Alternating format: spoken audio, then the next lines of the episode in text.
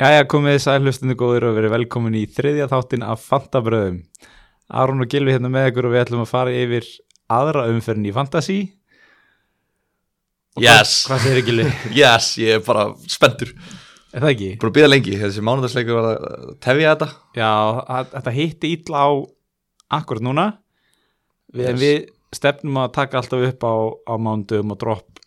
og þriðdöfum. Yes, Það ekki? jú En það er nóg að tala um núna. Já, ég er bara, ég vil bara henda mig beint í þetta Já, stórumálin. Já, stóru málin Opnaði umræðina Kannski ein, bara byrja, bara strax Já. Af því að, hérna, fantasyspillar eru oft kendi við óþólumæði Já, Margir örgla sem að munu, hérna Gefast upp bara sér snemma Minnum bara strax á það Að deadlineið núna fyrir næstu transfer Er á föstudaginn, ekki lögadaginn nákvæmlega. Það er föstudags, föst, uh, Já, nákvæmlega það föstudagsleikur. Gílva félagar mæta hérna Mótið hverjum er að kepa það? Aston Villa. Aston Villa, já Og uh, það eru samt margi sem er að hlusta akkurat núna sem að munum samt gleyma því en vonum að við séum að bjarga ykkurum frá frá því að, að hérna missa af þessum Nákvæmlega. Uh, mér langar að byrja á leiðréttingu. Okkur bárust skilabóð eftir síðasta þátt. Hatursfull Það sem við vorum að Hótanir. tala um hérna head to head deildir og þar varð mér á í messunni að segja að hámarsfjöldi liða væri 16 en það er svolítið ekki rétt því það er hægt að vera endalust mörg liði í sömu deildinni. Ef við kannski áttu að vita það, það sem ég er sjálfur í 20 liða deild. Já, uh, hérna Já, já, svona er þetta En hérna... Það var að koma á reynd Já, svo var annað í síðustu viku byrtist frétt um eh, einn dáðasta svon fantasi Patrik Van Anholt hann væri, Innstæði bakur í Crystal Palace já, hann væri í íslenskri fantasideild sem heitir Halli og Latti já hvað finnst þér um það? Mér finnst það bara krútlegt sko bara mjög, mjög skemmtilegt ég er eiginlega sára að hafa mista þessu deild sjálfur En þér? Já, ég verð að veikina ég hérna dundraði mér í þessa deild þegar ég sá fréttina bara til að geta skoða liðið hans Patriks og hérna ég heyrði nú í honum Halla sem að stopnaði þessa deild Já, fær sérstak sjátat hérna hjá okkur eh, og hann saði að þetta var átti bara að vera sko svona 20-30 liða deild, einhver svona félagahópur og hérna svo hann sér satt byrjaði að followa Patrik einhvern tímann á Twitter var með í einhverju deild sem að Patrik stóð fyrir í fyrra þar sem hann bauð bara hinum og þessum á Twitter Já. að vera með sér uh, og svo snýrist bara dæmi við núna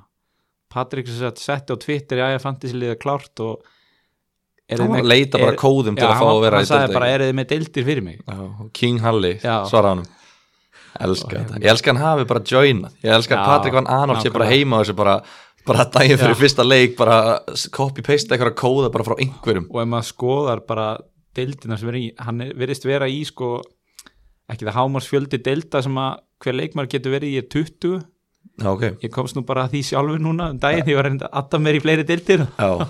það er ekki þessi skilabóð þannig að hérna, það er fyrst skipti sem ég lendi í þessu þannig að En við munum fylgjast gramt með stöðum mála í, í liðinu hans Patrik og hérna, hvað, hann er núna með 136 stig í sætinu með 338.000 já, Það er bara solid liðans heitir PVA Doing Bits yes. og hann er með þrjá palasmenn, þrjá bornmáttmenn hann er með þrjá júnetmenn hann er svolítið að bara taka þetta á þemunum bara Já, já Hann alltaf verður að vera með þrjá Kristopalas já, og það sem kannski gleð með mest er að sjá að hann setur vara fyrirlega bandið á sjálfan sig já ekki alveg fyrirlega, hann er ekki alveg á kokki en, en ef hérna Störling hefði ekki spilað þá hefði hann allt komið tvö stegin sín og tvöfaldaði Einmitt, hann er að spila með hausnum ekki hjartanum eins og við segjum. rétt og hérna, en ok, ef ekki bara dempa okkur í eins og þú segir, stórum álin Já, bara þetta var bara erfið umferð endlega, en hún endaði vel og það er kannski bara ein ástæða fyrir því að hún endaði vel hjá mér, já, ef farið það má ég segja það, já gott að það. ég ætla að semja lag bara til heiður þessa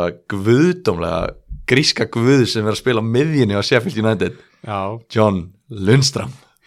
þú mátt nú eiga það, ég verður að hrósa fyrir það þú komst með þetta pikk hérna fyrir mótið í uppbytunum þættinum okkar Já, en svo sem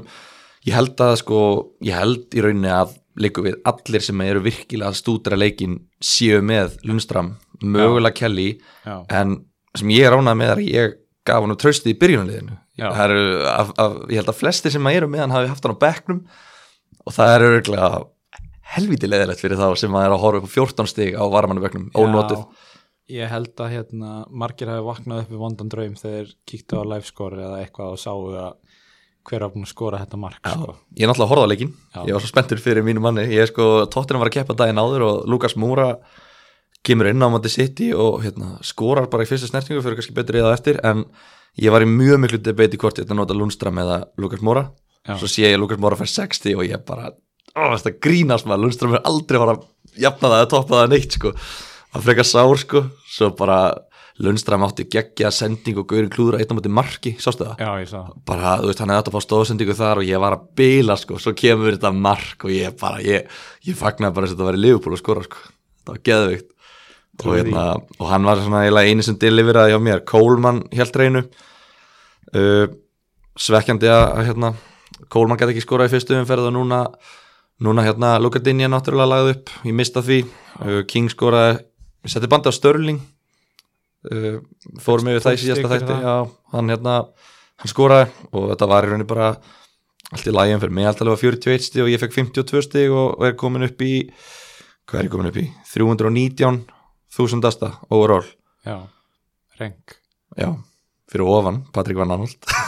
það er ekki einu markmiðið Jú, en svo sem þetta overall ranking segir ekkert í byrjun það er svo Nei, margir nei. sem eru að s- að henda öllum tippunum sínum í Já, já. þetta triple captain og free hit og nota þú veist þannig að það eru margir sem að eru búnir að nota í rauninni forskotið sitt þannig að ég, þetta mun jafnast út á endanum og ég ég, ég var endur eftir að setja mér eitthvað markmið ég er alltaf top 5 þú veist eða eitthvað, ég veit það ekki þú sag, eh, markmið, þú sagðist nú bara til að vinna Já. hérna, í fyrst Já, ég kom svona aðeins í væntingastöðun ég, ég þarf aðeins að stjórna væntingunum Já. en hvernig gekk þér? Sko, mér gekk allt í læ en þetta var náttúrulega sko, fyrsta umferinn var óvenjuleg, ef við getum sagt sem svo Já, það var sko mikið af leikmenn sem skoruðu hátt og þar af mikið af svona leikmenn sem margir voru með allir luxusleikminni nýra að delivera Já, og mörglið heldur hreinu, það er komið líka fullt af vartastegum Mhm. ótrúlega hátt meðaltal og svo var þetta meira svona venjulegu umferð við sjáum að average er 41 sem að er svona kannski örfáum stíðum lagar en svona alveg venjulegt Já, en hérna já, já, þú veist hérna ég, eitthvað svona eftir á sem þú varst sáttu með og ósáttu með að, Ah, ég var náttúrulega með Sala sem fyrirlega já, hann ger ekki neitt klúraði einu svona þokkalegu færi já, já, sla, svona slapp Bale í gegn, hann svolítið þröngt færi en, en hann hérna let markmanni verja. Ég fekk 51 stig tók náttúrulega tvö transfer til að ná Störling inn fyrir Kev, Kevin De Bruyne já sem var svona skemmtilegt tvist Það hlýtur að sitja hans í núna Já, já, við komum betur að því síðar en sko, helgin mín byrjaði frábælega því ég var með Danise Bajos í byrjunliðinu Já, og hann fekk 11 stig. og það er náttúrulega engin með hann Nei, það er nefnilega málið 5,5 miljónir Já og hann er strax búin að hækka Já, þannig að hérna, komin upp í 5,6 Já, Þannig að hérna, já, að- að- ég var að viðkynna að komur óvart, hann er líka hann tekur hotspillindar ekki Jú, tók föst leikatriði og bara svona mann leiði sem var með boltan bara helmingin að leiknum Já, hann var bara alltaf með boltan og bara gætt fengið að rekja hann eins og hann vildi velja sendingar eins og hann vildi hann átti 2-3 skot, flott skot á markið Þú veist, leit bara ótrúlega vel út var að spila svona í hólunni og bara þú veist, ég er ótrúlega ánæðar að ég valdi hann frá byrjun Ég sá að hann var með flest skot í, í þessum leik og flest færi sköpuð, Já. þrjú skot og þrjú færi Já, ég Þannig- meina, ef maður horfði á hann leik, hann var bara gjörsanlega allt í öllu, bara allt svo vilt frá fantasy-leikmanni. þetta geti verið hann geti verið komið með mikið valjú ef, hann er að, ef þetta er það sem koma skal Já, já, en Arsenal á tvo erfiða leiki núna framöndan, Já. Liverpool, Anfield og Spurs heima, þannig að við sjáum til hvað, hérna, hvað gerist í þeim tveim leikjum, en eftir það gæti hann verið bara frábært pekk, sko. Já, Uh, hinn leikmann sem svona skoraði einhver stiga viti fyrir mig var einmitt Luka Dinja, laði upp hjælt reynu, tvö bónus þannig að með 11 stig líka þannig að, en síðan var þetta jú, jú, Josh King skoraði en þú veist 6 stig gera voða lítið fyrir mann svo var þetta bara 2 og 3 hér og þar samt gott finnst mér að King skora því ég er með King líka, mér Já. finnst gott að hann hafi skorað bara það svona þá getur þú tekið það vandamál og setta frestaði þangar til í næstu Einmitt. viku. þú þarft ekki, þú, maður var svona- eftir fyrstum fyrir að maður bara, já, býta ok, er Wilson kannski bara málið Já, hjá Bormóð já, já. og eitthvað svona, Já. svo skoraði hann bara strax eftir tvær Já. mínútur og hann var svona, ok, yes, þá var hann búin að skila sínu já, eitt mark í tveimu leikim frá Joshua King á 6,5 miljónir nákvæmlega það er bara mjög fínt og þeir eru að fínt prógram eftir þeir náttúrulega sitt í næsta leik en, en þeir eru með fínt prógram í byrjun og, og hérna, hann, ef hann hefði ekki skorað í þessum leik mm. þá væri ég líklega að fara að selja hann sko, eða mögulega og ætti einmitt og á sitt í úti í næsta leik sem bara erfiðasti leiku tíumbilsins s- já, heima er það? já. já, já, já, en, en City svo sem heima. brey, breytir ekki máli ég held að sé alveg afnæður eftir borðum og það mæta sitt heima eða úti breytir yngur en, hérna, en já, það er fínt að, að þá getur maður haldið honum án þess að hafa miklar áhyggjur allavega, þú veist mann ætla að gefa hann sitt í leikin og, og svo bara getur maður gefur hann eitthvað fleiri leiki áfram já, já. en uh, meira var það svo sem kannski ekki Saha skoraði ekki á móti Sheffield ah, ég trilltist sko já, ég, bara alveg ég tristist Brjálaður. einmitt ekki Og sko, en það sem að fór mest í mig þessa helgina í Fantasí og ég held að hafi gert hjá rosa mörgum var að Liverpool fekk á sem mark já, mesta óþarfa mark bara held ég sem ég hef séð líka bara klísjulegasta bara Adrian kemur 4,5 miljónir, Alisson meiðist Já. Adrian fær sjensinn, margi sem þurfa að skipta og kaupa Adrian og fa- græða einu hálfa miljón og það var nú mikið stress líka bara fyrir helgi það kom í ljósa hann var bara mögulega meittur Já, og bara, og svo bara, þú veist, uh, sáþandum búið að klúra öllum þessum færum og bara virtist sér svo Liverpool að það bara slefi í algjörð hefnis hreint lag, mm -hmm. en bara þetta var Jésús minn almáttur, sko. Þetta var vond en það sem gera kannski bærilega er að flestir eru með að sýnist með tvo vartamenn í Liverpool. já, já. Allavega einn, ég hef ekki ennþá séð lið sem er ekki með vartamenn í og Liverpool. sko það eru tvær leiðir til að trillast það er annars vegar að svona explóta svona springa út af við og vera alveg Mhm. brjálæður eða svona implóta, bara svona brotna inn í sem bara Já, svona já. brotna niður ég tók þetta setna sko Já, ég þú bara brotnaði niður bara. já, ég bara horfði á skjáin og bara ég trúði þess ekki og því meira sem ég pæltist því bara meira pyrraður var ég Já, þannig að þú ertur að fara af síðis. já og sem bara svo við bara adressum bara fílinn í herbygginu strax að ég hendi bara í vældkart tókstu Raids Wildcard Aron, eftir tvær umfyrir ég gerði það ég bara sko, ég trúi ekki ég trúi, þetta var, þetta var góð umfyrir hjá þér ég ætla, ég ætla sko ég ætla að reyna að láta þér fá samvinskupitinn sko. Já. þetta er alveg, mér finnst þetta ég verða að vikina, mér finnst þetta glórlust þú þarf að útskýra þetta vel fyrir mér ok, hvað, var, hvað, hvað ok, sko hluti af því var sá að ég hugsaði bara ok, þetta plan með að vera með dýrar vörn og góða vörn það er bara cancelled það er bara það er bara takt að taka þetta plan og bara henda því út úr gluggan og ég bara tók báða þessa liðbúl bakurinn mína bara hendið þeim úr liðinu og sko Gilvi ekki búin að gera neitt Saha ekki búin að gera neitt og svo horfði ég á framlínu mína sem var Josh King og svo 2,4,5 sóknum þeim og ég hugsaði ég get ekki verið með hlæðu bara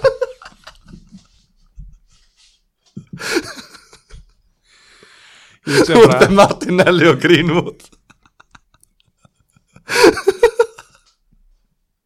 ok, þetta er samþykkt. Nákvæmlega, En ég meina þannig er þarna er þetta bara komið, ég er búin að, ég er búin að réttlæta þetta vældkart fyrir þér En sko, ég get, við vitum náttúrulega nákvæmlega hvað er að fara að gerast þetta í næstu viku. Já, Mm. já. Ég er leifupúlstunismæðurinn, er að fara að koma hérna, grenjaður hlátri Mm. við þig Arsenal mannin, búin að selja tvo leifupúlvardamenn, við vitum nákvæmlega að leifupúl er að fara að halda hreinu í svo leik. Já. Og hann fer svona 5-0 fyrir leifupúl og Robertson skora svona 2 og Trent Alexander leggur upp 3.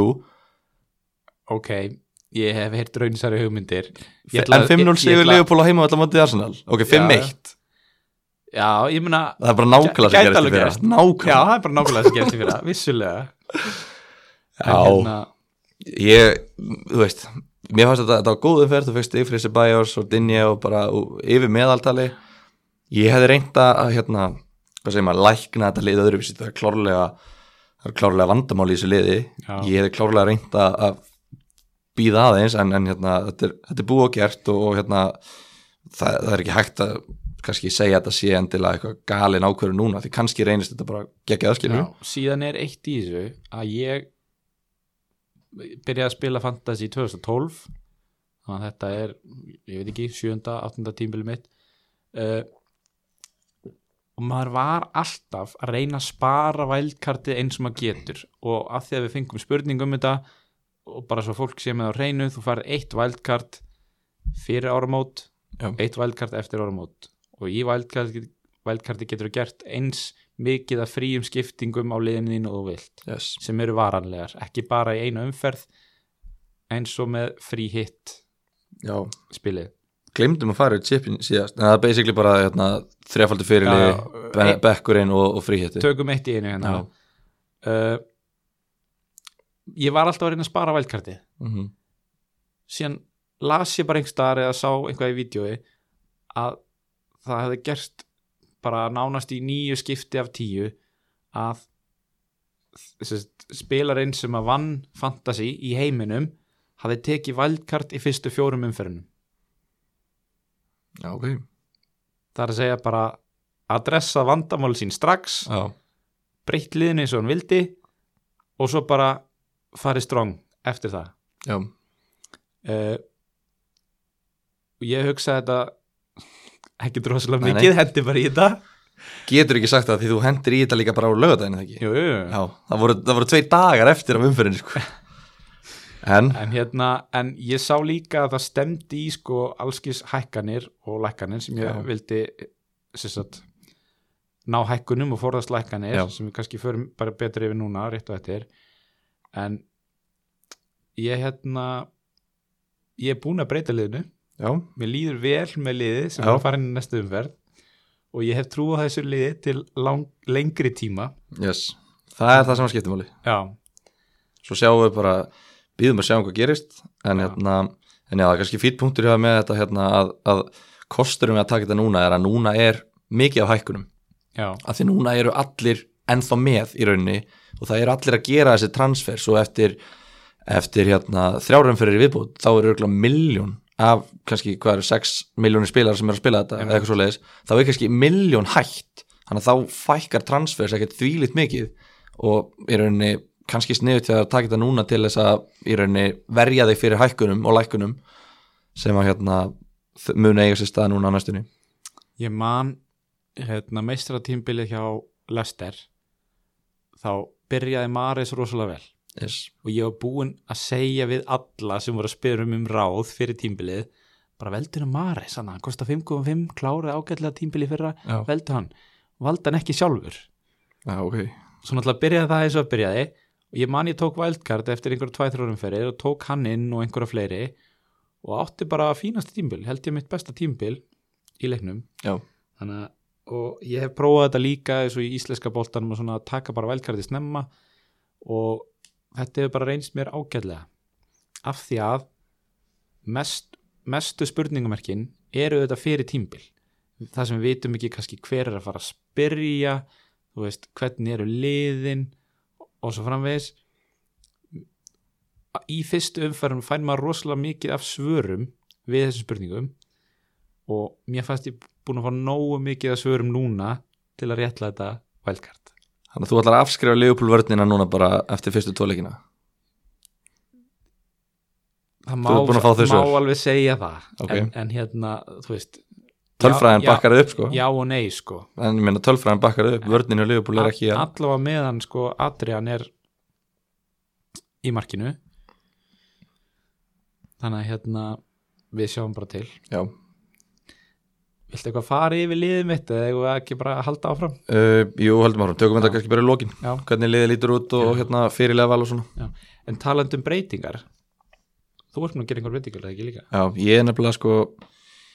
Ég er kannski verið að taka tilbaka hláturinn hérna áðan Já. að velkartinu Því að ég, uh, ég er, mér finnst ég hafa sko, ok Ég gerði fjóra breytingar Já. og Áttu ég átti, náttúrulega tvær. átti tvær fríarinni og, og ég hérna, gerði tvær aukala þannig að ég er að taka á mig mínus áttastig sem getur alveg er alveg mikið en þú veist, ég veit það ekki ég, sko, ég vil vera frekar aggressífur í byrjun tímabils að, einmitt, að ná þessum hækkunum og lækkunum og eins og bara sem dæmi að, hérna, að ég seldi Ryan Fraser sem að er komin úr 7,5 niður í 7,4 já, og tók í staðinn Kevin De Bruyne á náðanum á 9,5 og hann er komin upp í 9,6 og er að stefna hraðbyrju upp í 9,7 meira að segja. þannig að sko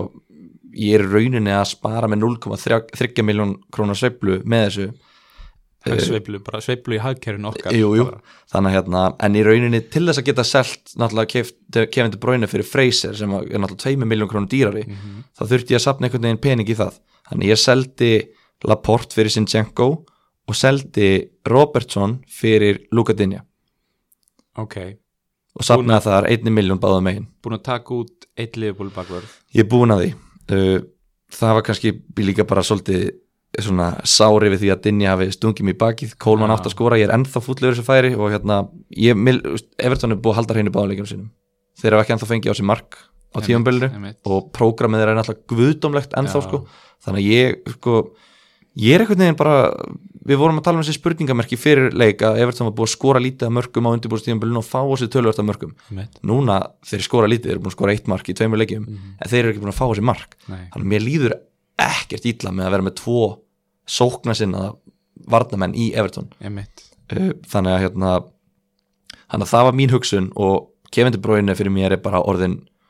liggu við must have sko, eiginlega bara skildu eign já, uh, hann er að sína bara hann er nú þegar búin að jafna stóðsendingarna sína frá því á síðustu tjumbili já, var náttúrulega eiginlega ekkert með þá en, en jú, jú, hann vissulega, spilaði 19 leiki, vissulega punktur helmingurinn á tjumbilinu og hérna þar á undan var hann í kringum 200 stöða múrin, Já. tvö tjumbil þar á undan þannig að ég held að hann geti bara brotið 200 stöða múrin og 9,5 miljón krona miðjumar sem gerir það ég vil hafa hann í li- mínu liði sko, ég sá bara tweet um helgina sem ég svo sammála sem var bara frá fantasy sjónarhanni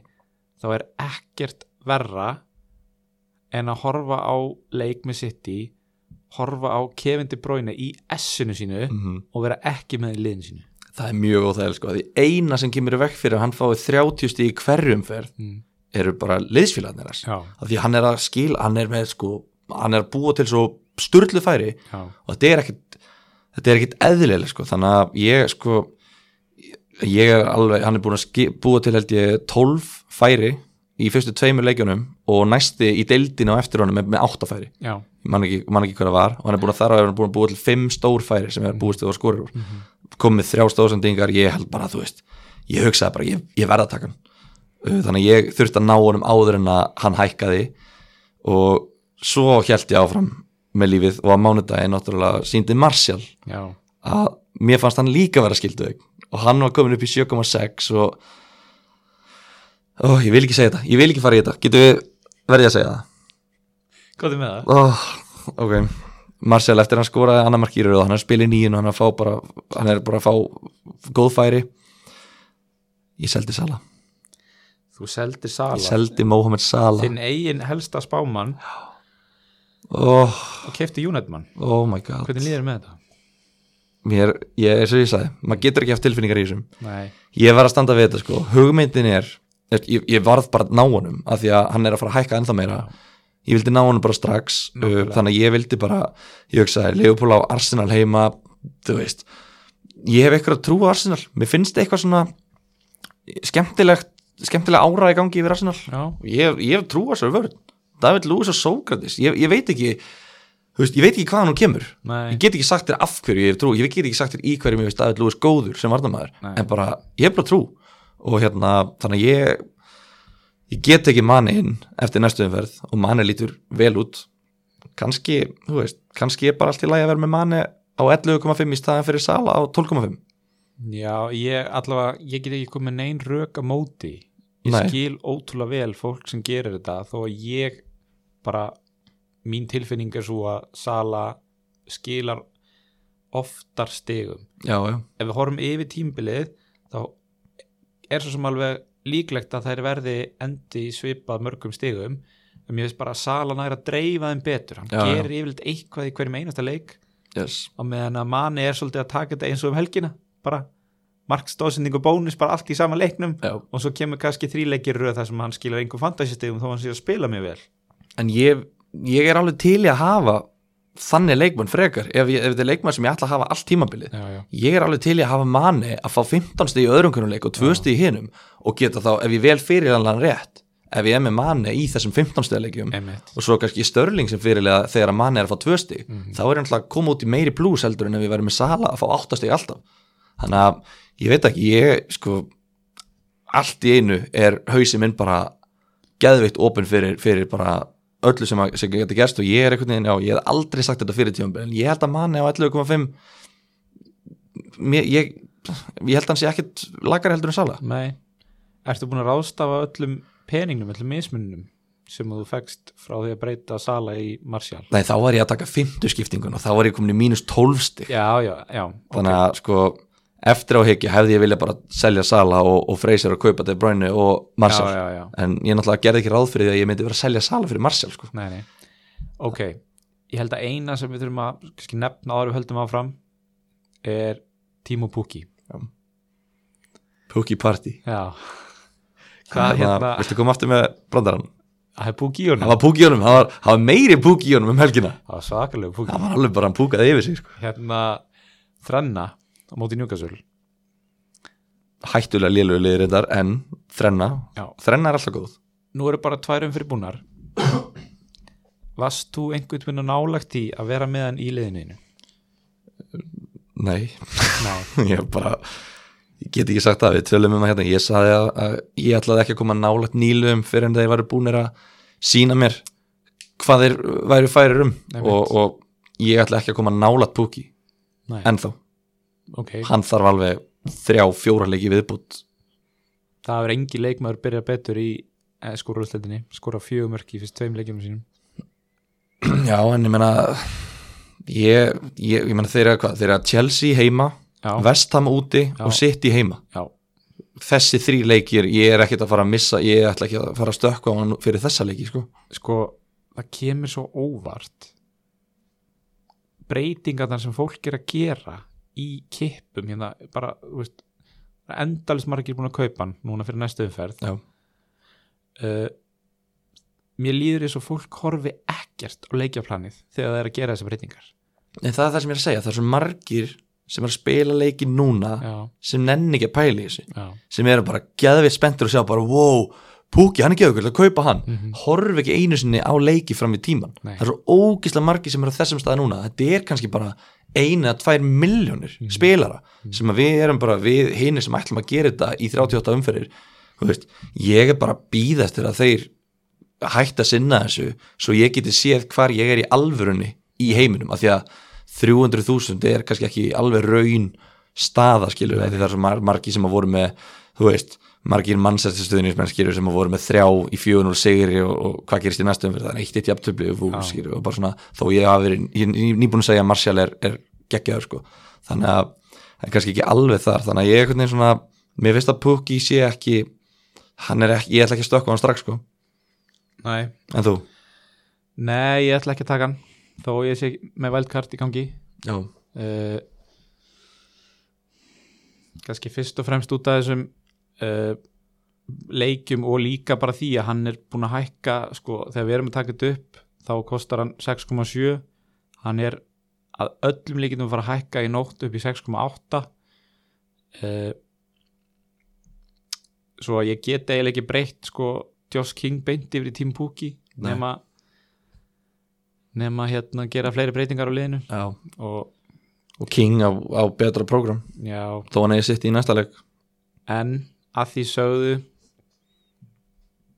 þá get ég alveg skilið og ég myndi nánast segja að Pukki sé sko besti kostur í framverðastöðunum sem kostar sjöða minna. núna, Já, hann Sko. alltaf augljóslega var hann bestur fyrstu tværumferðinar já, En myndir þú segja að við horfum ef við horfum fjóra, fimm vikur fram í tíman myndir þú segja að hann væri bestur 7 miljónir eða minna sko við erum með það eftir að sjá hvað Moise Keane getur. Já,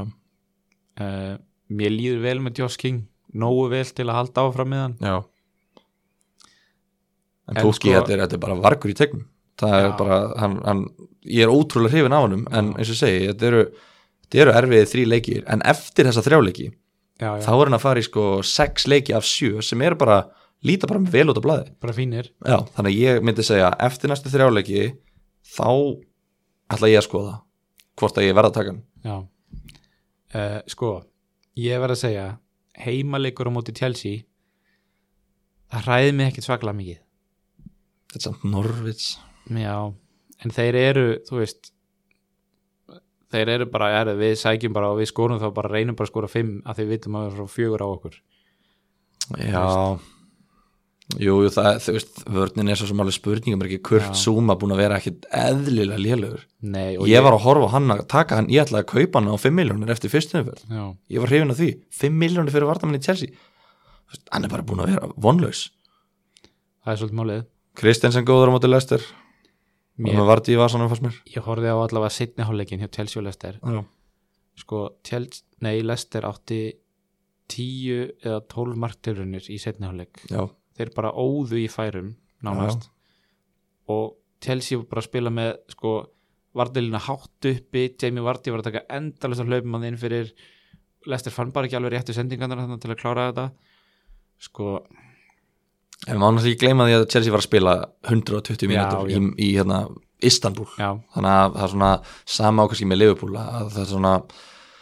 ég veit það ekki, ég, ég ætla ekki að vera eitthvað of dómarður eftir eitt eitt jafntöflu lestir, lestir með hörkuli og þeir eru að strítum oft þannig að við einhvern veginn svona þú veist, getum alveg, getum alveg séð Chelsea gera alls konar alls konar hluti sko en uh, kannski svona ég veit það ekki, ef ekki pukki, hvern þá ég var að velta þessu fyrir mér áðan 6,5 miljón krónar sóknamaður já þú veist þeir sem eru með King, við viljum báðir halda King, við erum báðir með King já, ég er með Diego Jota í Wolves já hann er ekki búin að gera neitt nei, hann er ekki búin að gera neitt en hann er svo sem búin að eiga svona frekar erfiða leiki myndi ég segja já, og þeir eru að börnlega heima í næsta leik Já, ég allavega það sem ég hef séð af Diego Jota þá myndi ég halda að treyða hann já Asli Barnes, uh, líst vel á hann en hann á erfiðarleiki í næstu þrim hann er, eiginlega- hann er bara nákvæmlega sama svar og tímupúki já þeir eru að- þeir eru að Wolves úti Leopold heima, já, en svo komur sko kemur mjög góð leikir hann, þá erum við með nýju af tíu leikjum já, sem eru bara flottir á blaði ég veit ekki, ég, ég Asli Barnes, þetta er minn maður já Sagði, ég, hef ég sagt það þaður? nei, ég manna ekki hann er minn maður já, og hérna Pukki svo sem líka en þetta, við kannski skoðum þetta bara betur eftir, eftir næstu tverjum verðnar já, við fengum rosalega mikið af spurningum og skilabóðum um tímupúki já. uh, ég, það er í raun og veru ekkert eitt svar við þessu þú veist Nei, nei. en við getum eiginlega svarað spurningunum samt, það var einhver sem spurði á ég að setja trippulkaftin á hann í næstu umferð nei. please Sko. sko. slefti því já, ég, við getum örglega að skoða tölfræði um það hversu oft leikmaður skora þrennu tvo leik í röð já. ég sé það ekki gerast nei, nei, bara, hei- nei, nei. Nei. Ég, ég ætla ekki að ræða þetta mér þannig að Nei. kann, kannski leikin eftir það að vestam út yfir nei, nei, nei, nei, nei, bara ekki setja triple kaftin og Já. Pukki ever, En bara við- í þessu deild ef við ætlum ekki að fara að spila þetta eins og hans klaufi að við erum alltaf að reyna að sko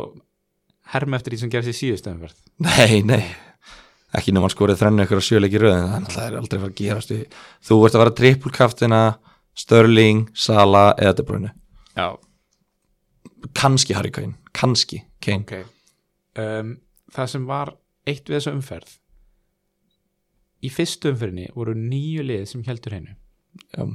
Í þessari umferð voru bara tvö lið sem heldur hennu Sheffield United og Everton var ég búin að minnast á John Lundström, Já, bara 14 stig Já, bara a- aftur já takk, og- takk og bless bara næsta mál uh, hérna, Það voru tólið sem skoruðu eitt mark já, þetta er, sem er Svo- úkslega glatað af því að sko, mann lýrist að skemmi miklu meira fyrir varnastígunum, ég menna það voru fullt af clean sheets sem að skemmtust hjá mér, já, þú veist til dæmis Liverpool, uh, Brighton já, með Ryan í markinu þú veist, það er kannski gott samt sem áður að þetta hafi skemmt hjá öllum já, Þú já, veist, það, voru, það voru allir, þú veist, ef þú ert með einn vardamann í Everton, það er ekki margi sem eru með tvo vardamann í Everton, það er ekki margi sem eru með vardamann í Sheffield United ef þú ert bara með hennan einn vardamann í Everton sem er líklega Luka Dinja Mm. þá er þetta bara fínt já, en ef þú ert ekki með ef þú fegst ekkert reyndlag þá er þetta náttúrulega miss, er þetta smá missir en ég veit það ekki ég var náttúrulega að skoða þetta með Liverpool bara hérna með vördina, hvað væri að fara að gerast við rættum þetta aðeins hérna síðast bara hvort að koma atriðan myndi að hafa einhver áhrif um, þú veist og ég var ekki viss svo var ég að skoða þetta núna þetta, mér finnst þetta bara frekar ég- mér finnst þetta bara frekar óhugnarlega tölfræði þeir eru búin að fá sér í tveimur leikjum Já. búin að fá sér 17 skot inn í vítateg já. inn í einu 17 skot meiri sér að Southampton leit ágætlega út Já, og Norvins líka já, Þeir eru, það, þetta eru, það eru fimm lið í deildinni sem eru búin að fá þessu fleiri skotin í vítategnum heldur en Leopold já og það eru bara einhver skítalið pluss tóttunum síðan og öll, Kansi að skítalið Mm, já, þú veist náttúrulega Arsenal var allavega, en öll þessi fimm lið hafa mætt top 6 liði Já. skilur, sem er að skjóta mikið Liverpool er búin að mæta Norvits heima og Southampton á útivelli og þeir eru búin að fá þessu 17 skot inn í teig Eins og ég segi, þetta er Liverpool plan cancelled Já, Það þú er bara- veist, eins og ég sagði, þú veist, rökin þú getur rökst þetta, Já. rökin eru með þýrili Nákvæmlega Vertu ekki að læja þessu Nei, nei, ég hlæði af ælkartinu samt ég, hérna, en, en ég var að segja ég er, ég er hrættur, ég lýsi verið áhugjum af, af leifupulvörninni Já, og bara þetta hérna það geti vel verið að við færum strax að sjá þeir kallar þetta template á, á ensku, hvað, svona jafnvæði í liðinu, skilur, nú Já. við vorum kannski sammála um það að við vildum hafa ódýra sóknamenn já, og dýra varnamenn Mhm. og reyna að hafa hágæða miðju við gætum verið að horfa á það að það væri strax að breytast Obameyang með tvö mörg Kane með tvö mörg, kannski verður þetta tímabili þar sem að luxus sóknamennir skila stigum og luxus varnamennir er ekki að ná eins mörgu stigum í fyrra nákvæmlega og það, það er svo skemmtilegt við þetta að templateið þetta er alltaf að breytast þryggjum fyrir að fresti, kannski tveggjum fyrir að fresti þetta er alltaf að breytast, þú ert alltaf að hugsa shit, þarf ég að hafa þrjá, þarf ég að hafa Sala Störling og Kevin De Bruyne á miðinni þá er ekki mikið annað eftir í liðinu þínu. Fantasy gefur og fantasy tegur þetta gefur og tekur sko, Já, það þetta er erfitt maður Ég tökum úr þessu Ok uh, Við setjum konuninn á síðuna uh, Erik Lamela eða Mason Mount Já. hvort að fólk vildi taka annarkotn í liðið sitt Ert þú að pæli í öru konum þessum leikmennum? Mm, nei, Kosta báðið 6 með svo mátt er að hækka í nótt, þannig verður örgulega búin að hækka þegar þetta er komið held ég 6,1, en breytir kannski ekki máli en getur gert það ég veit ekki, er Sebajos 5,6 er það valjúða? Sko, ég er náttúrulega með hann og hann er svolítið svona eina ástæðan fyrir að ég er ekki að pæli í öru konum þessum Já, þegar ég ítti á wildcard þá tók ég Lamela inn í liðið já, en sem þýtti eiginlega það að ég þyrfti sko að vera með varamarkmann sem spilaði ekki og vera með varnamann nána sem spilaði ekki já, já þannig að hérna vera með þá e-, eiginlega eitt leikmann í staðin fyrir þrjá eins og ég er með núna Já, skilji þannig að Sko þessi 6 miljón króna verð hérna á miðjumennum þetta er náttúrulega maður verður eiginlega að hafa einn eða þú veist, flestir eru með einhvern einn á þessu rófi já, ég er ekki með neitt eins og er en í fyrra þá var að Ryan Fraser sem að flesti voru með Einmitt. opnaði 5,5 einmitt, og það var bara gauri sem hann var bara þarna allt tímanbilið já, ég veit ekki hver að verður núna, það er yfirleitt einhver Mason Mount gæti verið Ég meina, hann er búin að byrja báðarleikina mhm. ég vil Skoraði samt núna, Já, ég vil samt býða Minna Ross Barkley byrjaði í hólunni og Mason Mount byrjaði á vinstri kantinum í fyrsta leik já, Nú er Barkley búin að droppa niður í 5,9 og hann spilaði ekkert einmitt, og Púlisins byrjaði, ég, ég þar og, þú veist, Tammy Abraham og núna byrjaði Giroud þetta er svona, ég- ég- Lampard er ennþá greinilega, þú veist, að finna liðið sitt skilur sem er skiljanlegt, einmitt en á meðan hann hefur ekki fundið og á meðan hann er ekki að sína, hann er búin að finna fremstu fjóra, þá ætla ég að, að láta það að vera, nema Mount alltaf að skora, þá geti ég þurft að taka hann Já Ok uh, Ef að fara yfir hver er að fara að hækka núna það er náttúrulega að fólk er að fara að lusta á þetta um morgun þá er alltaf þess að hækkanir búin að eiga Já, það er alltaf hundfullt fyrir fólk að vakna og, og fara, fara að hlusta á okkur tala um þá sem að voru að hækka í nót alltaf en uh, já, þú veist, það er kannski helst bara þú veist, að tímabúið gera hækkum 0,2 í umfyrinni Já, já, Störling er að fara upp í 12,2 þannig að en við minnum bara aftur á þessa síðu hérna, fplstatistics.com þar sem þú getur fylst með þessu, þetta hækkar alltaf á nóttunni millir 2 og 3 á nóttunni held ég já, þannig að, þú veist, áður en maður fyrir að sofa fínt að tjekka á þessu, er ég að missa af einhverjum, ég misti í fyrstu umfyrinni af Marcial, mér langaði að taka hann inn í fyrstu umfyrinni emi, hann var búin að hækka þannig að það var það var seint fyrir mig þú veist, er ég tæpur líka bara fínt að skoða sko, þú veist, top 5 transfer inn og út, já, þú veist, við sjáum að Sala er mest seldi leikmæður núna en hann er náttúrulega dýrastur þannig að það breytir einhver máli þó hann lækkin í 12,4 að því þú Já, getur já. keift hvert sem er annan en það er leiðilegt að missa liðs value og þú vilt reyna að byggja það upp í byrjun Einmitt. tímabils af því það mun nýtast þér setna við sjáum að það eru 668.000 manns búin að kaupa tímabúki þetta er, það sem ég segi, þetta er bara þessi miljón já, þessi eina miljón sem að þetta er bara svakalegt það, það, við getum ekki sko, þetta er, þessi leikur er svolítið mikið í harðþægun og maður er að fylgjast með hver er að Já, kaupa já. hver annan og svona en ég, ég reyni að horfa ekkert á þetta svona í byrjun overall ranki mitt, ég líti ekki á það fyrir kannski tíundumferð Einmitt. þannig að þetta er svona, já það er kannski ekki takt að horfa, nefnum bara að horfa á, á leikminnuna, hvernig þeir eru að standa sig Já um, Talandi um Marshall og United að því að þú ert að taka hann uh, það var stórt atvikandi United Já. leiknum við heldum að það væri komin ný vítaskitta hjá United sem að væri að vera tekin stegum þar já, það var aldrei ekki Nei, ég var mjög sáttur að sjá að Pogba fara á punktinn bara, af því að það eru fleiri með Rashford heldur en Pogba held ég Já, allavega svona fleiri hættulegir, ég held að Pogba 8,5 ég held að sé ekkert margir með hann en ég reyndar er ekki alveg með tölfræðan hreinu en mér finnst líka ekkert leiðilegt að sjá hann klúra ég verði að viðkynna það já Mér finnst þetta bara svo galið ég bara, sko ég- ég væri brjálaðar ef ég var júndistunum sem maður að horfa upp á þetta og ég var eiginlega bara pyrraði sem bara fótboltastunum sem maður að horfa á þetta Já, bara, þú veist, þú ert með leikmann sem að verðist vera mjög góð vítaskipta í Rashford og, þú veist, einn og aðal svona framýranum í liðinu versus Pogba sem að svona er ekki með góða tölfræði með svona skríti tillaup og var brotið á honum í þessu tilviki sem hann finnst einhvern veginn alltaf vera þú veist, að leikmann sem brotið á, á ekki að taka vítin en minna það var náttúrulega bara Rashford á mæti Chelsea Já, þannig að en já, já, það er náttúrulega, þetta er náttúrulega bara, þú veist fyrst hann klúra, þá er þetta náttúrulega þannig og Pogba, þú veist, hann er ekki hrættu við að, við að mæta svona aðstæðum einmitt en einhvern veginn finnst manni þetta að vera svolítið, svolítið trúðalegt að hann er virðist einhvern veginn mér finnst þetta alltaf vera að tala um eitthvað svona Pogba ákveður að gera eitthvað og það feilar og það bara svona ég veit það ekki, mér finnst þetta bara mér finnst þetta bara stór undarætt og kannski skrýtnast bara í óleikunum sólskýra að vera ekki bara með vítaskipti nummer eitt, Já, bara þú tekur vítinu eða hérna, ef við fáum víti er þetta ekki bara fútbolmanager hérna, top 5, þú ert bara með 1, 2, 3, 4, 5 Jú, í jú. þessari röð og svo bara Jú, þú veist, ég- eins og segi, ég, ég skil þetta ekki en, en kannski Marcial takir bara þriðu ég væri, ég væri til í það já ef við að fara í fyrirliðaval fyrir næstu umferð, já, ertu tilbúin í það ég er tilbúin í það ertu mjög ákveðin í þinni ákvörðin uh, já, ég er það eiginlega ég verði uh, nei, nei, ég er það ekki ég nei, var að fatta, ég er það, ég get uh, nú kemur þetta stress, ég er búin að vera ég er búin að ná að halda mér rólegum núna Já. all, alla þáttinn, nú er ég stressar nú er hjarta að fara svona, aðeins og var og ég er farin að tala hraðar eitthvað uh, já, ég er stressar, ég er ekki ákveðin en þú, uh, já, ég er ákveðin svona en sko hvernig ertu með fyrir, sem, sem fyrir það? sko áður en við förum í það mjög líklega verða þetta sömu leikmennir í þessari umræðu í allan vetur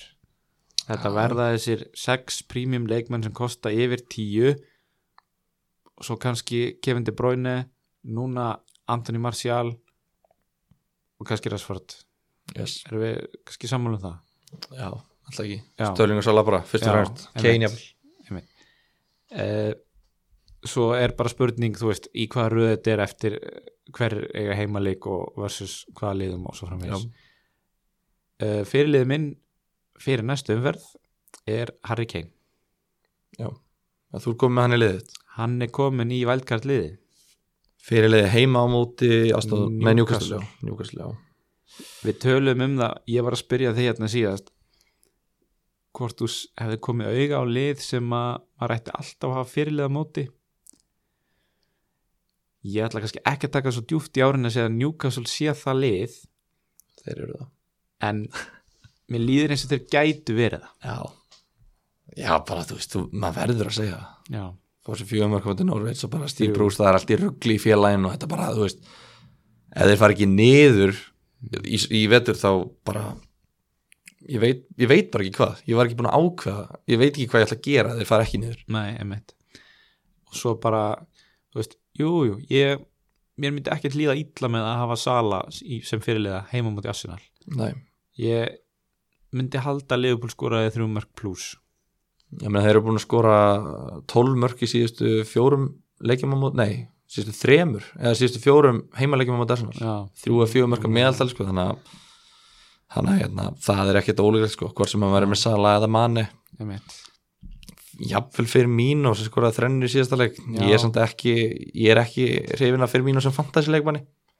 nei, nei, þú varst búin að fara yfir það Já. en hvað, viltu ekki Störling, er hann ekki nála jú, heita þessi leikmærin í deildinni? við kannski förum það bara í, í liðið mitt svo við getum aðeins gert grein fyrir hverjir möguleikandi mínir eru en ég er sem sagt með Störling, Sala Kevin De Bruyne og Harry Kane Já, fjóra lúsusleikmann, já, það er rosalega mikið ég meina þessi bakvarða útsala hana, hjá, frá Liverpool hún náttúrulega opnaði fullt af dyrum Já, og þessi fjórir koma allir til greina sem fyrirliði fyrir næstu umferð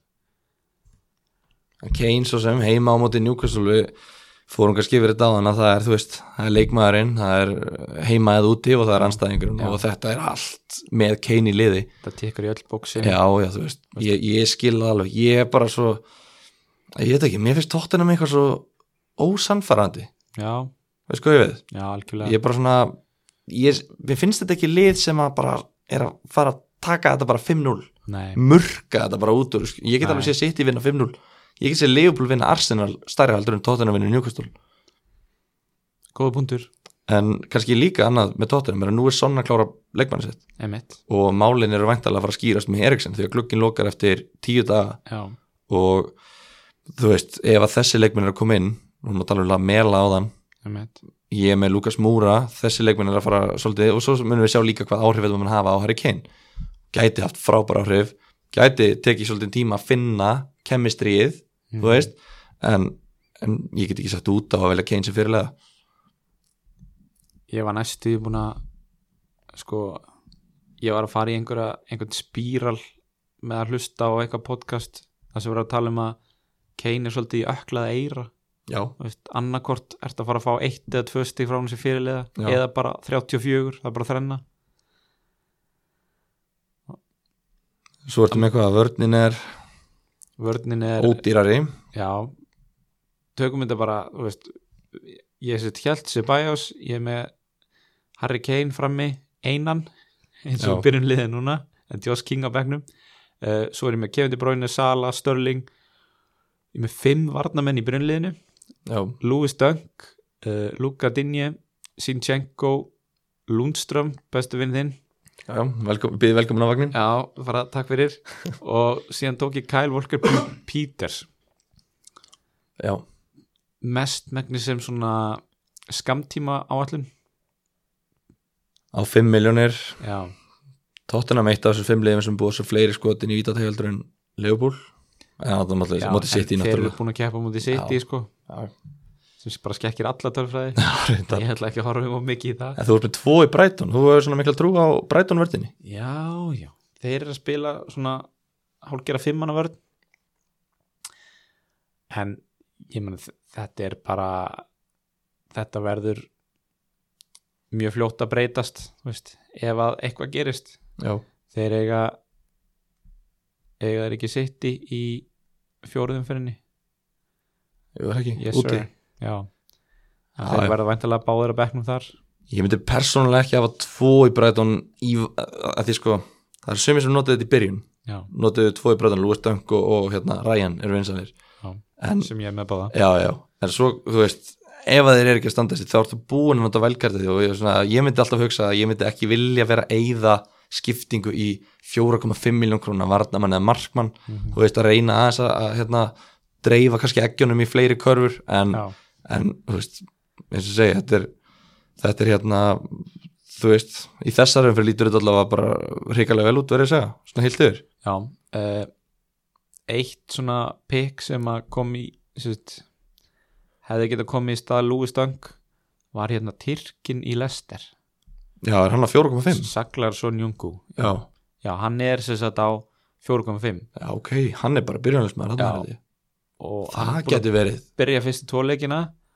og þeir eiga sko ekkert hræðilegt prógram en maður horfir á þetta svona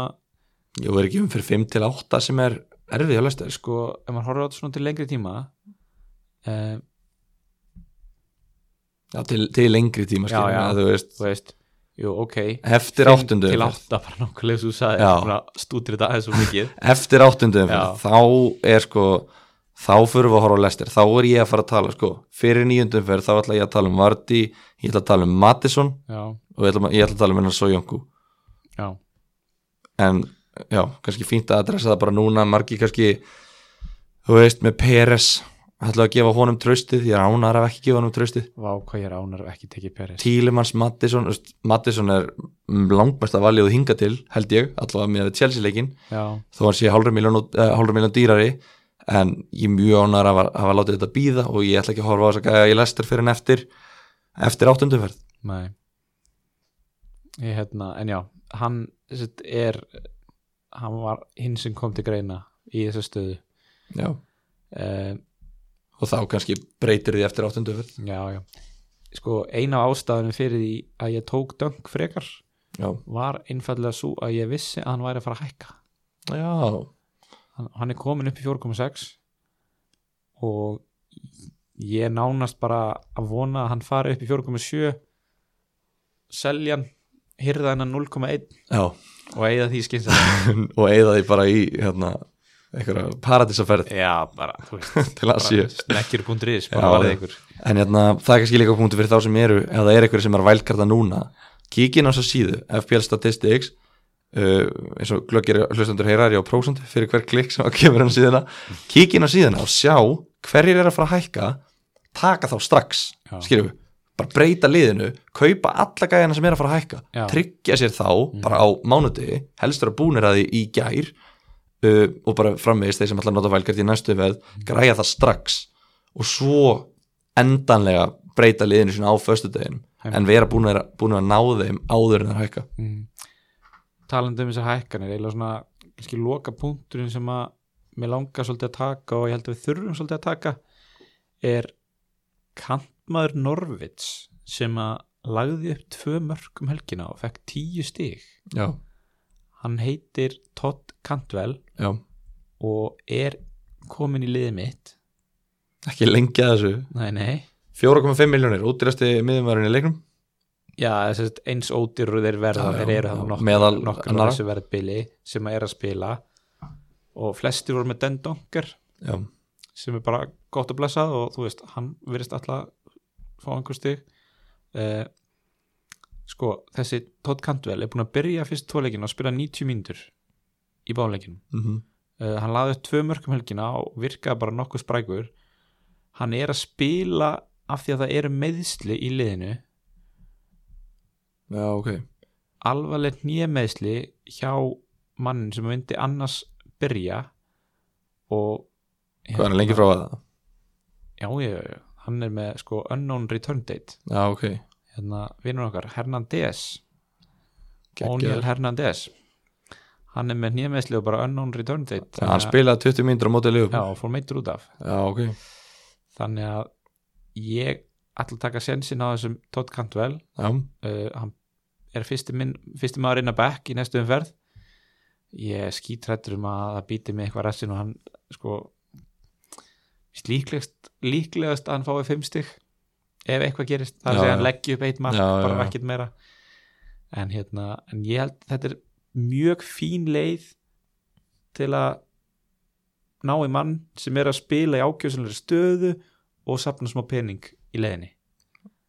já, já, en viltu maður- ekki hafa einhvern þarna sem, að er að spi, sem þú veist að er að fara að spila alla leikina, af því að hann verður hvað sem er á bekknum í flestum leikjum að að þú veist, bara svona til öryggis að því, þú veist, ég veit það svo sem ekki ef þessi kantil er að fara að spila 90 mínúti þá lítur hann út fyrir að vera gott pick sko já, já, tvö, tvö hérna, tvær stóðsendingar hvort hann hafi tekið förstu leikadriðin ég manna ekki alveg, nei, Nei. kannski ekki en, en allavega þá hérna jú, jú, allavega hinga til þá er hann það, ég er bara svo rosalega hrættu við þegar maður er að setja vælkartið að, að velja eitthvað skamtímalausnir því fleiri skamtímalausnir sem maður er með í vælkartinu sínu þá náttúrulega, þú veist þar maður að Mm. Ertu laga með það seinna, fleiri sko. vandamál sem þarf að- Já, og þú, þá það getur pressa. ekki notað vælkartið, Já, já. skiljum ég, ég er ok núna með að nota skamtímalaustin fyrir mig Já. af því að, þú veist, ég á vælkartið eftir Já. það var til dæmis hl- hugsun af hverju ég tók Sinchenko núna í staðan fyrir Laporte ég átti ekkert erfitt með það af því að ef að Sinchenko er að fara að missa byrjunlýsæti sitt sem að ég veit ekki alveg hvort sé að fara að gerast endilega fyrir hann Cancelo þá get ég nota vælkartið, skiljum ef að Coleman er að fara í eitthvað rotation með síð dýpe E, þá get ég nota vælkartið, en ég vil sko, um leiða ég er búinn að nota velkartið, þá vil ég hafa þetta bara láta þetta bara svona matla, hafa þetta bara rock solid, bara sala á störling til skiptis og, og svo framvegis mér líður allavega mjög vel með þessa fremstu fimm og hérna svo og, og Dinje Sinchenko mjög vel uh, restin er bara þú veist, ef það þarf að breyta því þá ger ég bara Já, þegar já, það þetta, kemur er, þetta sko. er solid sko ég, ég held að þú ættir alveg að geta fengið fleiri stig í umferðinni fyrir eldur en ég sko já, næstu umferð, prófa það einu sinni að fá fleiri stig wow. en hérna, já, ég ætla samt að vera með störling sem fyrirlega, já, eins og er hann er varafilið hjá mér þú veist, þetta, það var Hann er búin að skora flest mörk, hann er búin að eiga hann er búin að eiga tíu skot inn í vítateg mm Mhm. -hmm. anstæðingana Þú veist, Sala til samanbörða er búin að eiga fjögur skot inn í Já. vítateg held ég ég vil að fyrirleið minn sé að skjóta inn í vítategnum Já. ég vil ekki, þú veist ha- Gylfi Siga kannski og Kevin De Bruyne er kannski einu sem geta verið að flengjónum er og þessi nefesatna í vúls Já, ég ætla að fara að segja, þú ert ekki verið með Rúbin Neves bara, Nei, nei, þú veist, af því það, þú veist, ég vil bara hafa eitthvað sem er inn í bóksinu, ég er að fá góð skotfæri og er að taka þau Mhm. þannig að ég ætla að vera með Störling og hef bara full að trúa því að hann skori ég gæti tekið til bróinu bara út af því að ég held að Bornmoth muni leggjast svo ótrúlega lágt aftur á bakskýrjum Já. að það muni kannski nýtast til bróinu betur að mæta Bornmoth á útivelli af því að þeir muni leggja svo aftarlega þannig að bróinu fær kannski skotfærin Mhm. og, og hættulega sendingar og allt svoleiðis að kannski náður að loka þessum plásum á Störling þannig að þú veist, það er kannski líka rauk með því að taka Sala af því að þú veist, það henda Leopold alltaf og Sala sérstaklega að fá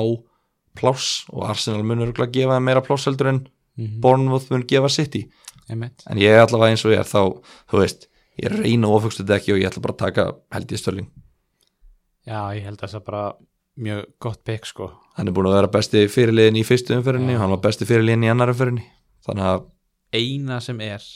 mér, mér líður alltaf eins og pep rotation sé að fara ég er alltaf með svona, eh, svona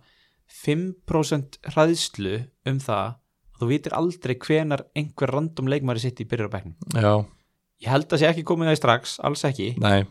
en hérna, ég man í útileiknum mútið Bormóð í fyrra held ég, Já. það voru mjög margi með Aguero sem fyrirlega hann byrjaði á bekknum já, Jesus byrjaði inn á Já. síðan kemur Störling inn á hana, held ég að byrjaði og skoraði sigumarkið á 96 mínútur á já, klukkunni já. þannig hann má hérna- gera það aftur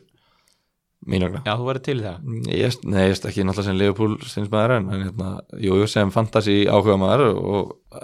áhuga maður sem fantasi atunum maður, þá hérna væri, væri það bara fínt sko. þú veist svakalegur Já, já.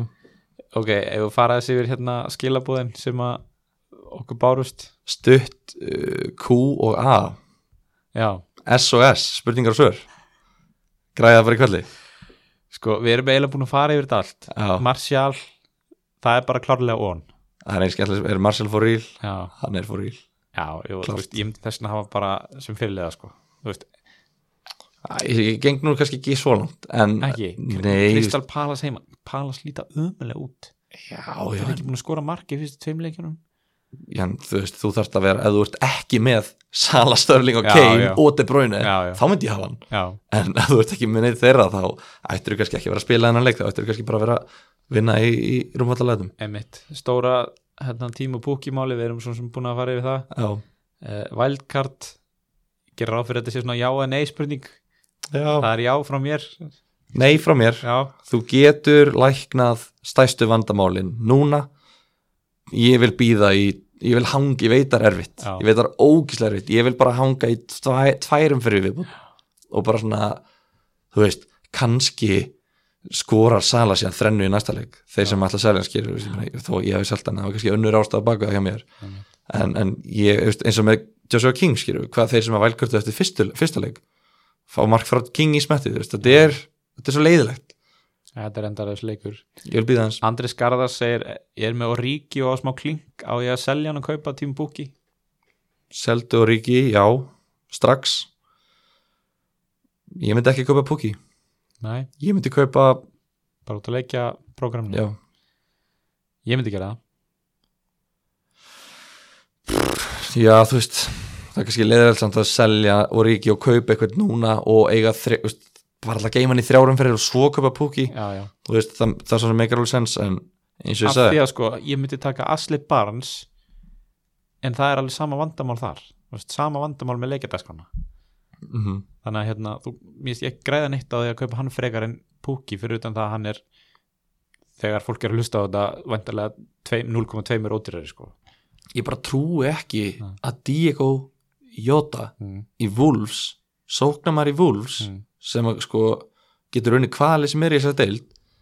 ég trúi ekki að hann sé ekki að fara að fá tölvörð fleiri stig heldur en Joshua King, Asli Barnes og Timo Pukki ég bara trúi því ekki ég, þú veist, ég held hann hljóti, hann var góður í fyrra hann er búin að vera að búa til mörk í Európa-deildinni Já, já og bara ég veit ekki hvað, ég veit ekki okkur veist, en þetta eru bara tveileikir, ég trúi ekki öðru en að hann fara að delivera Já, ég vona að ég verði sigri hrósandi hérna, einn meðan eftir næstuðum verða á móti börlega heima ég vona þar sem hann er búin að skora ég vil fá, ég vil fá sjömörk frá hann í næsta leik, Þú ert svo raunsær ég vil fá sjömörk Það er alltaf bara einhverjar, hérna bara leikskóla tölur bara það er sko samt, ég meina ég er með Nick Pope í markinu þannig að það væri skellu fyrir mig Já, og hugsa að það er spettur ok, fimm, Ef- fimmörk og ég vil að hann leggja því öll upp sjálfur þannig að fáið stig fyrir staðsendingar líka Já, þú byrður ekki um lítið en hérna, ég heldur bara frá sem segja þetta gott já, uh, því með endilega hjálp okkur að og benda fólki á fantabröð, benda þeim á samfélagsmiðlana, læka Facebook síðuna Facebook og Instagram já, taka þátt í umræðinni og Instagram og hérna og bara já, það er nefnilega geggja að fá pælingar frá einhverjum öðrum að því maður er svo mikið þú veist, inn í sínum eigin haus að skoða þetta, skoða tölfræði, stútir þetta alveg hvað er best að gera, hvernig eru leikjaplöglin og eitthvað svoleiðis, að fá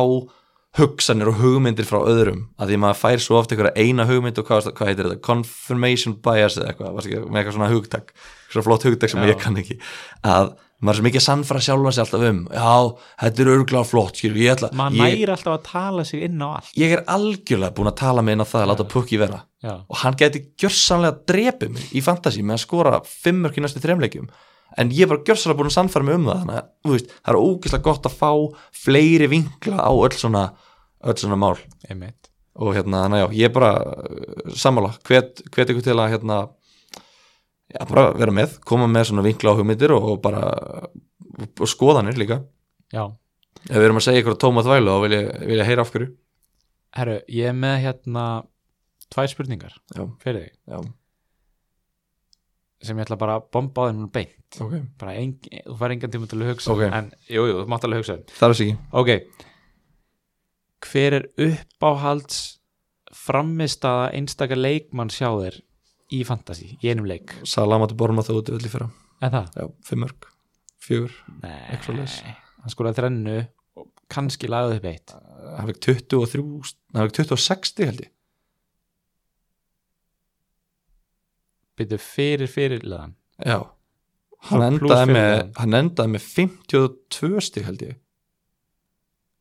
ég man ekki nákvæmlega hvað það Nei, var þetta var ok. eitthvað styrla dæmi já, og ég bara, ég verð, þetta var bara fyrsta sem kom í hausinu á mér en það voru allir með sala sem fyrirlega þarna þannig að, já, ekki ég ég veit það ekki Agu er á heima á móti Höttersvild í annarum fyrir í fyrra já, þá var ég með hann sem fyrirlega, ég held að allir var með hann mér fannst það gefins, byrju hvað var, hann skoraði tvö og lagði upp tvö eða eitthvað skorað þrjú og lapp eitt held ég svona. já, hann fekk eitthvað 20 stig það var mjög gaman þegar ég sá síðan bara að það var fullt af fólki sem var bara með sala og útivell á móti bornmáð og já, njúkastulega já, ég bara, hann var heima á móti höttisvíld hann voru allir að tala um, ó, hann spila bara 60 mínútur já, já, meðan sorry, Aguero þarf ekki meira en 60 mínútur til Nei. að drepa höttisvíld Já, sko, já. á heimavalli, já, meðan, einmitt, Já. sem fyrir er þú með eitthvað? uppáhalds framistæðan mín er einmitt Aguero á heimavalli á móti Newcastle þegar hann skoraði fimmu já, já, ó, það Manstu eftir því? já, þá var ég með hann sem það var fyrirlega gott. og bara fagnaði hverju einasta marki fyrir líka komið bara á, þú veist, einmitt bara eitthvað svona 40 mínna kapla Já, já. samtals, bara um segja Heyrðu, hverju meinu hálfleikin ég ætla að breyta, ætla að breyta, já, ég kom með nýtt svar ok John Lundström á móti á móti hérna Kristapalas heima í síðustu Ah. Fjó, ég er ekki tjóka, þetta var svona mest satisfying Já. að því það voru allir með hann á bekknum og það er svo gaman að sína einhvern leikmanni traustið Já, og hann sýnir að hann er traustins verður og hann skorar og heldur hreinu fær bónus og þú bara sko, mér finnst við að bonda, mér, ég, mér líður eins og ég geti fengið bara bóð í matabóð hvað og hverju, frá honum, frá honum Það er bara frá honum bara personalt bóð, Strömminu bara Kæri Gilvi, takk fyrir tröstið Já. ánægilegt að hafa skila þig og bara bjóða mér í sænska kjötbólur eða eitthvað Eða lambalund, eða lambalönd stram yes. ég kann ekki þetta tungumál Erðu, ok En hinn spurningin já, Áttu er uppáhalds svona leik sem sagt stakan leik það sem þú manst eftir einhver svona memorable fantasy tengdum Ég skal byrja já, Man eftir einn leik þar sem að Liverpool vann Swansea 5-0 og ég var með Jose Enrique ég var með Coutinho og Luis Suárez og ég gætt fagna öllum mörkun já ok, allir leggja bókur annan það var annarkvort annarkvort voru mínum menn að skora leggja upp, fiska víti það bara, það var allt já. ég er ekki með neitt leik svona í fljótu bræði sko. Nei, það var góður hérna opnunarleikurinn í fyrra Leopold Vestam, það var Robertson sem að lagði upp og sæla skoraði og eitthvað svona, það var solid sko já Þú finnur Annars- eitthvað fyrir næsta þátt Ég fyrir komið með, ætli Lundstram skor ekki bara tvö á móti lestir í næsta þætti og, og hérna það er þetta allir konu með hann en ég, kannski, ég set kannski bandið á hann sko, ég held bara að það, on that note þá bara hættu við þessu ég er sko. mjög spenntið fyrir næstu Lundstram með Úr- tvö mörg, fyrirlega minn, Díko Jóta með fimm mörg þú veist bara komin í einhverja ránkum Störling með sigurmark á 95 já, kæra lustendur, ef að þið eigið einhver Marcel með uppáhalds þrennu minningu af eh, fantasy fyrirliða Kólmann sko. skorar eitt úr víti eða uppáhaldsleik þá bara endilega Nick Pope minga munin Sendið á okkur móti skilaboð. Wolves. og uh, en annars segjum við þetta bara gott takk fyrir okkur